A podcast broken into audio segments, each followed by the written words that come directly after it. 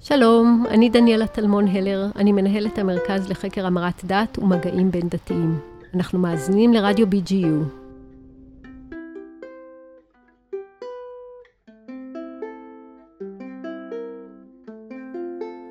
שלום, וברוכים הבאים לסדרת ההסכתים מרכז ופריפריה בדתות האברהמיות, חשיבה מחדש, מהמרכז לחקר המרת דת ומפגשים בין דתיים באוניברסיטת בן גוריון בנגב.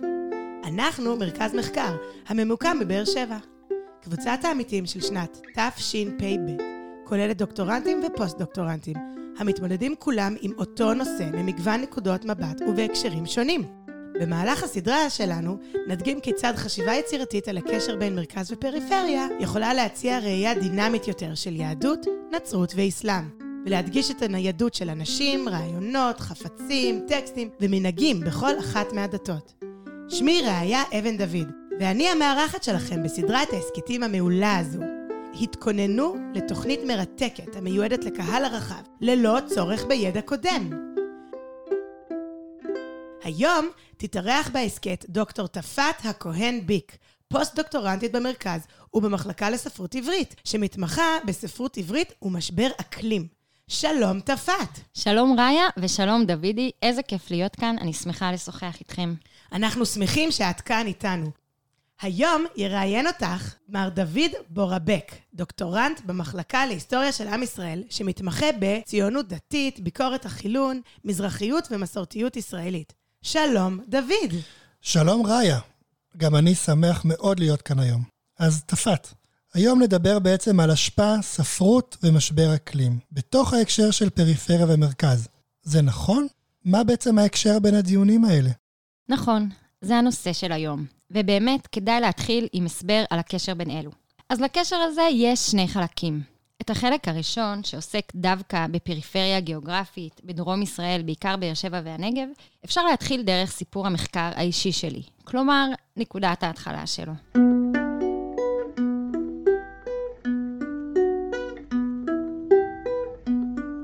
עסקתי בספרות ומשבר אקלים מאז סוף הדוקטורט שלי לפני שנתיים. ולהפתעתי גיליתי שכמעט אין חומר בנושא בעברית. למרות שזה נושא די מפותח במקומות אחרים בעולם. לתחום הזה קוראים גם אקו-פואטיקה, שזה בעצם ספרות שעוסקת בהיבטים שונים של טבע, אבל מתוך התובנות העדכניות של הבעיות האקולוגיות של תקופתנו, משבר אקלים, פגיעה בטבע והכחדת מינים. כשהתחלתי להתעסק בזה, הספר הראשון בעברית שהיה בעיניי בשורה של ממש, היה ספר בעין החתול של חביבה פדיה. בגלל שזה ספר שעוסק בבאר שבע, ובגלל הנושא שלנו של פריפריה ומרכז, אני ארשה לעצמי להתמקד בו יחסית, ולא להעמיק בנושא של ספרות ומשבר אקלים בכלל, שיישאר יחסית ברקע של השיחה. אספר טיפונת על הספר. מבחינה ז'אנרית, כלומר, מבחינת צורת הכתיבה שלו, זה ספר ייחודי ושונה מהרומן שאולי אנחנו רגילים למצוא בדרך כלל בחנויות הספרים. אולי לכן גם לא הייתה לו התקבלות טובה מאוד כשהוא יצא ב-2008. העיר באר שבע היא גיבורת הספר, והפרקים הם סיפורים קצרים של מה מתרחש על פני העיר. חתולים, דמויות שוליים ובניינים הנבנים בשטחה. מה שמארגן את הספר הוא המרחב של העיר ולא ליניאריות עלילתית. בין לבין עם שרות תורות ומדרשים. במרכז הספר עומדת עיר ולא אדם, כנהוג ברומן. ויותר מזה, הבחירה בבאר שבע כגיבורה היא מראש בחירה באנטי-גיבורה. באר שבע, העיר הדרומית, השולית, הפריפריאלית, המדברית, המאובקת והמוזנחת. זו נראית לי באמת בחירה מפתיעה להתמקד בעיר באר שבע. ונראה לי גם שאין כל כך הרבה תקדימים בספרות העברית, שבדרך כלל תתמקד בתל אביב, ירושלים, אולי חיפה. למה לדעתך היא בחרה דווקא בבאר שבע כגיבורת הספר? נכון, אתה צודק. וזה מביא אותנו לנושא שלנו. הספר מתעסק בפריפריה כמנגנון של הדחקה, כמה שאפשר לשים מחוץ לשדה הראייה. הוא עוסק באופן אינטנסיבי בשוליים בכמה היבטים. באר שבע כמרוחקת ומודחקת מהמרכז, הדמויות השוליות של העיר, החתולים כשוליים נוספים, אוכלי שאריות, חיים בפחים, מתקיימים לצד העיר. מה שמאוד ברור בספר הזה הוא שלכל שוליים יש את השוליים שלהם. באר שבע היא הפריפריה של תל אביב, אבל ההומלס בבאר שבע הוא הפריפריה של באר שבע. יש איזו תחושה שהחיים הם כמו תמונה שאת צריכה כל הזמן להפוך, ושיחסי פריפריה ומרכז הם משהו מאוד יחסי, שצריך כל הזמן להיות ערים אליו, ובעיקר לפקוח עיניים. בספר פדאיה מראה שפריפריה זה משהו שאפשר בקלות לא לראות אם לא מכניסים אותו לפריים. כלומר, תמונת העולם יכולה בקלות להכיל רק את המרכז. אם אף אחד לא ידחוף אותנו להזיז את המצלמה, גם למה שמתרחש בשוליה. אוקיי, אם אני מבין נכון, החלק הזה באמת עוסק בפריפריה גיאוגרפית, אבל אמרת שלפריפריה יש שני היבטים במחקר שלך. נכון, עוד לא דיברתי בכלל על השפעה.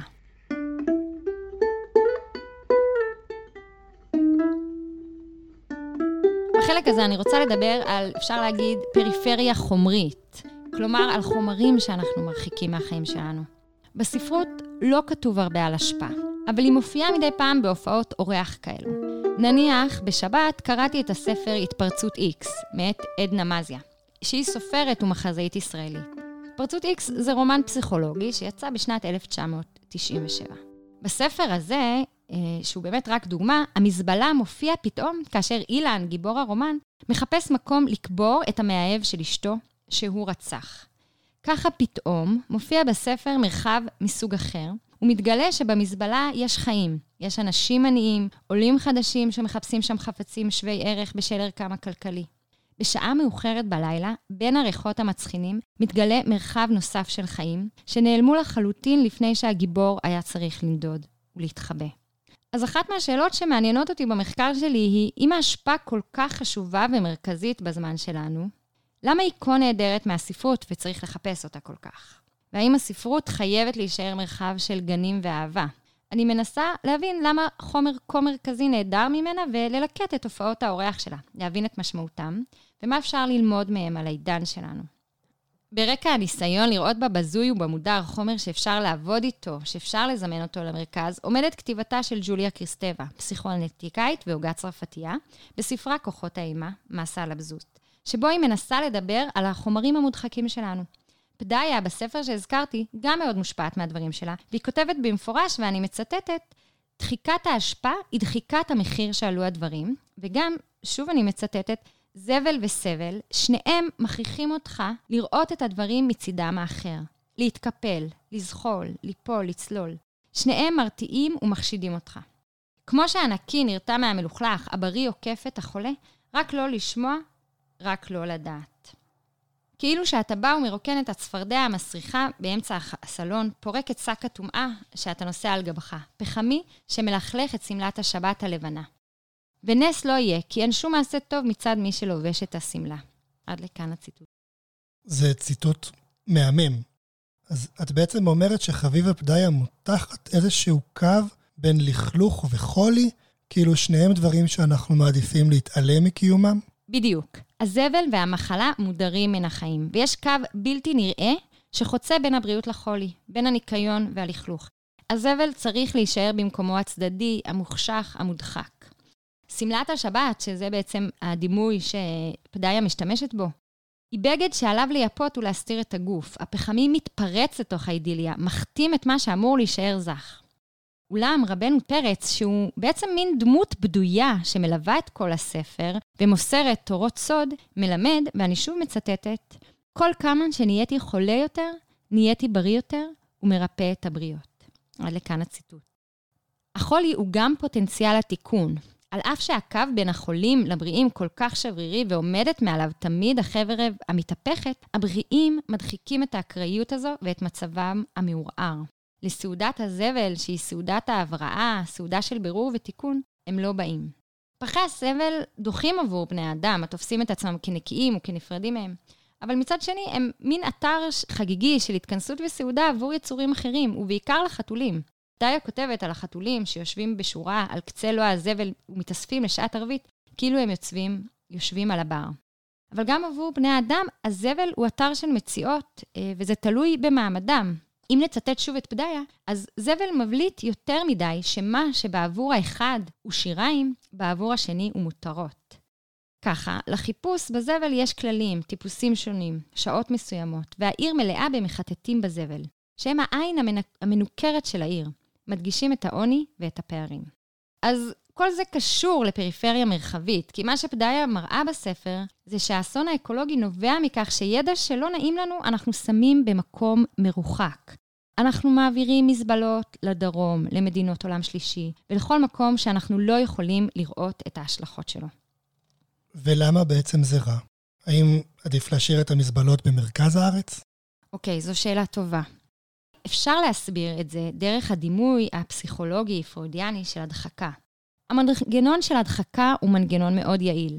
לפי פרויד, אנחנו מרחיקים את כל מה שלא נעים לנו ושקשה לנו להתמודד איתו, אבל הבעיה היא שהדחקה גולזלת המון אנרגיות, וגם שהיא לא פעם גובה מחירים קשים. כלומר, מה שלא נדבר עליו ומה שנשים בשוליים, יתפוצץ לנו בפרצוף. ויש מחיר להפניית המבט מהדברים הלא נעימים. את בעצם מראה שגם המרכז משלם מחיר על מה שהוא שם בשוליים. אבל מה עם השוליים עצמם? אתה צודק.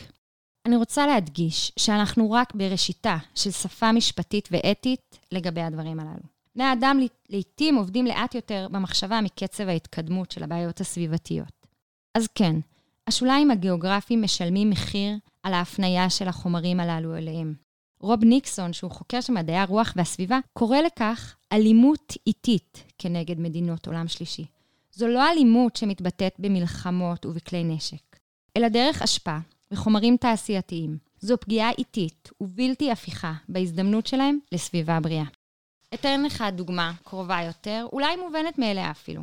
לפני כמה חודשים נסעתי עם המשפחה שלי לאילת, ונסענו בכביש 90, אני חושבת, ופתאום, לראשונה, כנראה נפקחו לי העיניים. פתאום ראיתי את מפעלי ים המלח ואת כמות העשן הקיצונית שיוצאת מהם.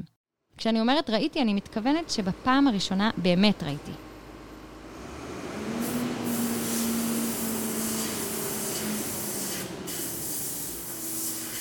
הריחות והצבעים של האוויר היו משונים, ובאוויר עמדה תחושה שאנחנו נמצאים באזור מוכה אסון.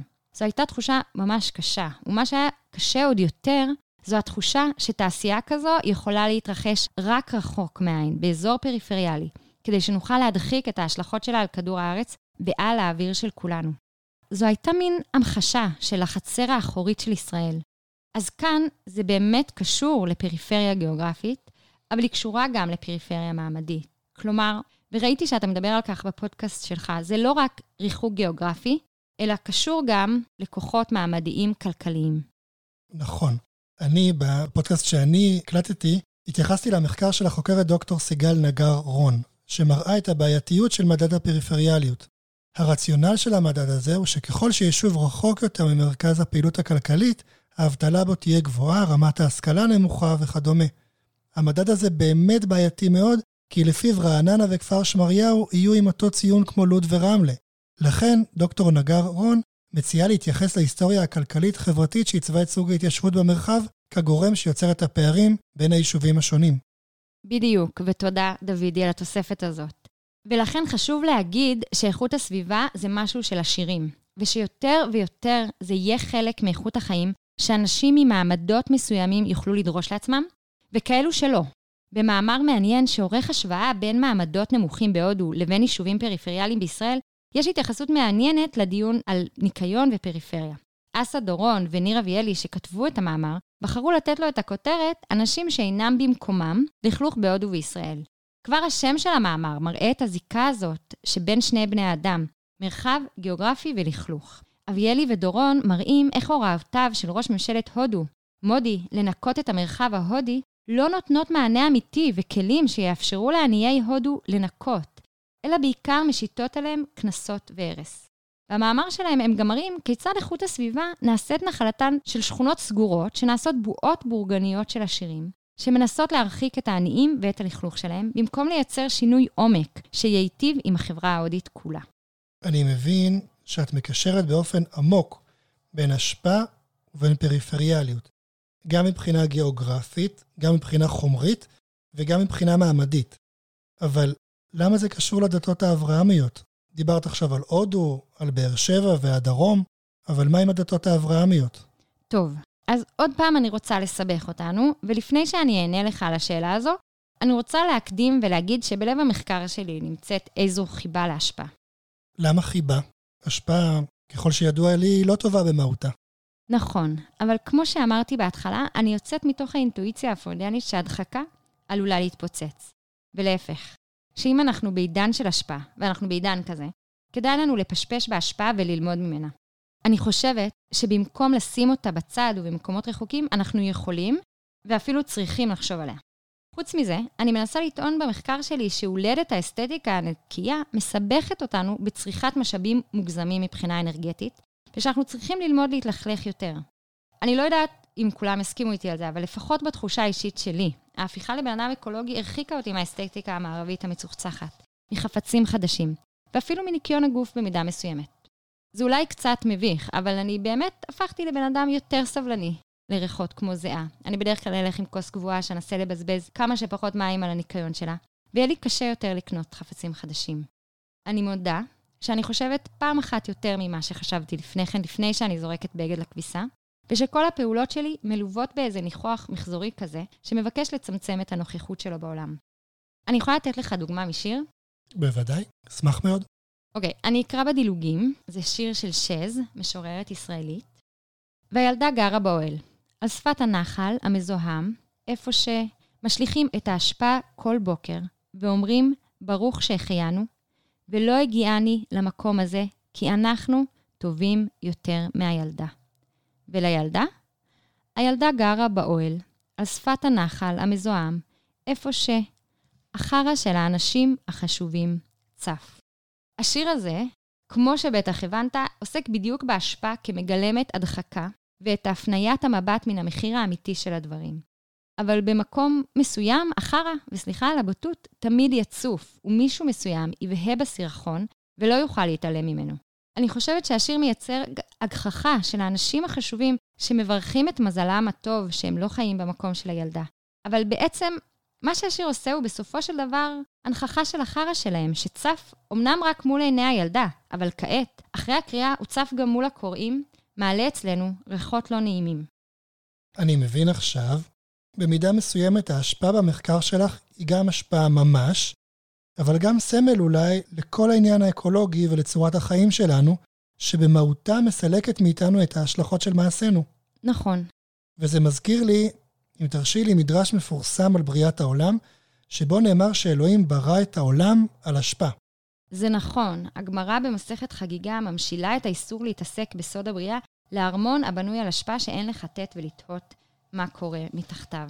אני אצטט. כל המסתכל בארבעה דברים, ראוי לו שלא בא לעולם. כלומר, יש שאלות שעדיף שלא לשאול. ואז הגמרא מביאה משל. משל למלך, שאמר לעבדיו, בנו לי פלטרין גדולין על האשפה. הלכו ובנו לו. אין רצונו של מלך להזכיר שם אשפה. זה מדרש מפתיע, בגלל שהוא מהפך את תפיסת הסוד, מאוצר מוסתר להשפעה מוטמנת. הסוד הוא משהו מבייש ולא משהו יקר ערך. בחסידות, בניית הארמון בהשפעה הופכת לתיאור כולל של העולם הזה כעולם של השפעה וטינופת שבתוכו פזורות אבנים טובות. ועבודת השם מתוארת כליקוט הניצוצות מתוך ההשפעה. התענוג של האל גדל ככל שעבודת הליקוט של הבן קשה יותר. כלומר, ככל שהבן שרוי עמוק יותר בעולם הזה מלא התאוות. חביבה פדיה לוקחת את הזבל הזה, שהוא בעיקר סמלי, אני חושבת, והיא עושה מזה ממש תורה, שמחזירה אותנו להשפעה העכשווית שלנו. זו שאנחנו מכירים. היא כותבת, ואני מצטטת, גישה אחרת הייתה לאלוהים כשברא את העולם. הוא פשוט שם את העולם כמו ארמון על הזבל כנקודת המרכז. אלוהים מציב תמיד מרכזים על פני כאוס. הכאוס הוא בסיסי במעשה הבריאה, והוא לא מודר לשוליים, הוא לא נדחק מן הסיפור. אם נמשיך עם פדיה אז, הזבל הוא ביסודות, בתשתית, באומץ לחיות עם הזבל במרכז ולא לעצב שוליים, ששם רק תהיה טינופת. רק כך יש סיכוי לזכור את מצב החירום שאנו חיים בו. פדיה מבקשת ללמוד עבודה עם ההשפעה ונימוסים מאותו האל שבורא את הארמונות דווקא על ההשפעה. לא להדיר אותה אל הקצוות, אלא ללמוד לחיות איתה במרכז, לאבד אותה, להתמודד איתה. אפשר להגיד שהספר בעין החתול מייצר תורה של תיקונים ושל ניסיון להתמודד עם הלא רצוי, ולא של הדרות והרחקות, של סובלימציה, כלומר עיבוד והתמודדות, ולא של הדחקה, עליה דיברתי מקודם. אבל זה חשוב. צריך לזכור שהשפעה היא לא רק דבר טוב. יש פה סכנה של איזושהי רומנטיזציה שלה אולי. אתה צודק, ותודה על ההערה הזאת. טליה פריד כתבה מאמר ממש מעניין, שאפשר לבקר מתוכו את נקודת המוצא שלי. פריד חוקרת סקירת אשפה, כלומר, היא מצטרפת לצוותים שבוחנים אשפה ביתית במטרה להבין כמה מקפידים על מחזור, כמה אשפה מייצרים בממוצע, ודברים נוספים, שעוזרים לעיריות ולחברות המחזור לאסוף נתונים על הזבל שאנחנו מייצרים. פריד מראה עד כמה יש נרטיב מסוים לגבי אשפה, והוא לא כל כך משתנה או קשור לעובדות בשטח. היא טוענת כי יש תזה די יציבה שהחברה המערבית היא חברה נוחה להשליך, ושההשפעה שלנו מלאה חפצים טובים מאוד שמושלכים סתם. פריד טוענת שבניגוד לתיאורים שהיא פגשה במאמרים, בניגוד לתפיסה הזאת של חברה בזבזנית שזורקת דברים מיותרים, היא כמעט לא ראתה פריטים טובים בסקרי האשפה שהשתתפה בהם. היא טוענת שהיא ראתה בעיקר אשפה שאפשר לכנות אותה אשפה אמיתית, חפצים שכבר מילאו לחלוטין את תפקידם, בעיקר קליפות, חומרים חסרי ערך ומזיקים, שטוב לדעת שהחברה מסלקת אותם ממנה. זה מאמר שקראתי שוב ממש אתמול כשחשבתי על הפודקאסט, ואני עדיין חושבת עליו, והוא בהחלט מאתגר את האינטואיציות הבסיסיות שלי שתיארתי עד כה. כשדיברת על האשפה של פדאיה, התחלתי להבין מה הקשר בין אשפה ותיאולוגיה, בייחוד בעיבוד של פדאיה. אבל בכל זאת, למה זה קשור לדתות האברהמיות, מעבר למוטיב הזה של הארמון שעכשיו הזכרנו? קודם כל, זו שאלה שאני עוד עובדת עליה, ואני מתכננת לדבר עליה בכנס שלנו באוקספורד בסוף השנה, ואז אתה תוכל לשמוע את זה יותר שלם, אני מקווה. בעצם, מתחילת הדוקטורט שלי עניינו אותי רגעים שבהם היהודי מואשם באסתטיקה מסוימת. כלומר, עניינו אותי רגעים שבהם היהודי מייצג איזה דימוי שהוא, אפשר לומר, חורג מעמדה תיאולוגית. בספרות התחייה, שהיא הספרות שנכתבה בסוף המאה ה-19, אולי בגלל שהיא ספרות שכה קשורה בטבורה לתהליכים של עיצוב היהודי החדש ושל חילון, אפשר לראות הרבה רגעים ש... כאלו. בהקשר שלנו, אפשר לראות שנניח אצל ברדיצ'בסקי, היהודי מואשם בניכור שלו לטבע, אבל זה הרבה מעבר לוויכוח תיאולוגי.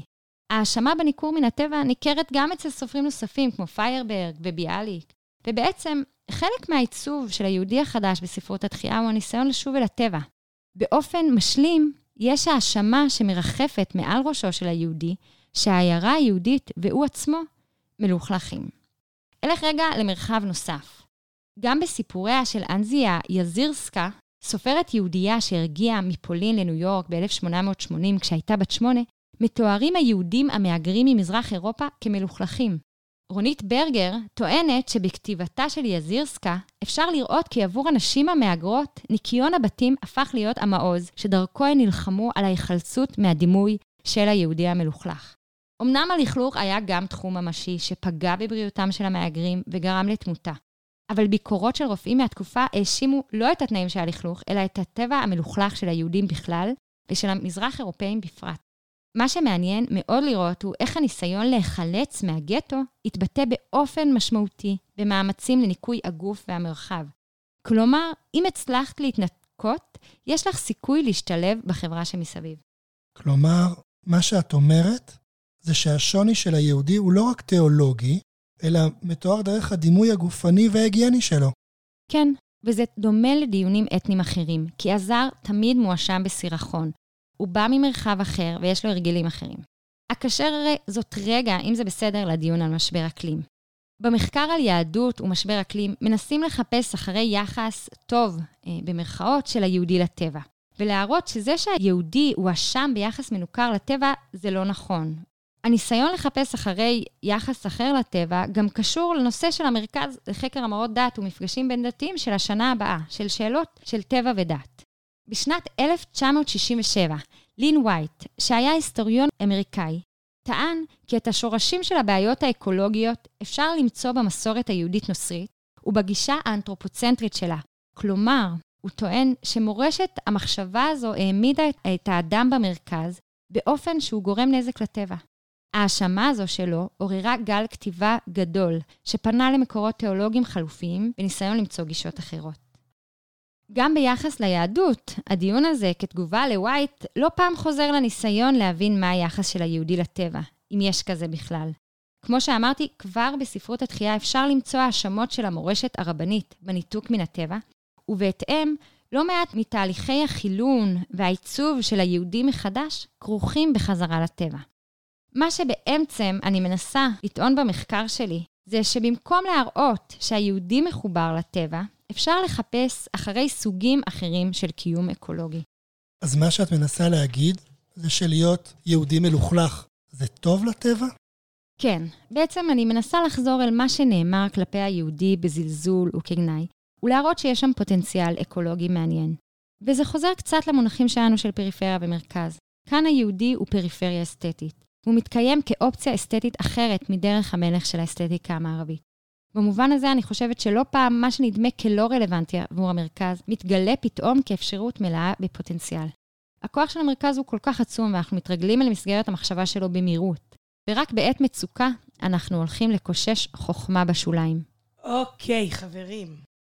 אנחנו מתקרבים לסוף השיחה שלנו, והנקודה שאתם מעלים עכשיו שוב מחברת אותנו לנושאים של מרכז ופריפריה. נכון. דרך ההשפעה דיברנו על כמה היבטים של פריפריאליות.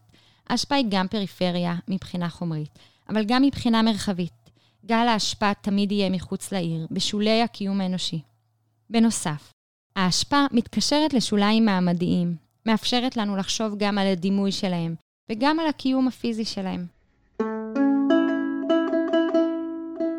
תודה רבה, תפת, על שיחה מרתקת ומעניינת, שמביאה להמון מחשבות כאלה ואחרות, על ניקיון ולכלוך ועל אסתטיקה והיגיינה, ותודה גם לראיה. תודה לדוד, תודה לדוקטור תפת הכהן ביק, שחלקה מהידע והמחקר שלה איתנו, ותודה רבה לכם, המאזינים. בואו גם נודה לגיל ליפקין שחק, טכנאי השידור, לדוקטור בוזי רביב, עורך רדיו BGU. תודה לדוד מנצ'ר על מוזיקת הרקע שלנו. ותודה לכם המאזינים שהאזנתם להסכת של המרכז לחקר המרת דת ומפגשים בין דתיים באוניברסיטת בן גוריון בנגב. אנו מקווים שלמדתם דבר או שניים על מערכת היחסים המעניינת בין המרכז לפריפריה בדתות האברהמיות, ומזמינים אתכם להצטרף אלינו לפרקים נוספים, שגם הם יעסקו בנושא זה, אבל מנקודת מבט שונה לחלוטין. אם נהניתם, חפשו את הפרקים האחרים שלנו, ונשמח שתדרגו אותנו בנגן ההסכתים שלכם. ניפגש בפרק הבא, תודה רבה ולהתראות.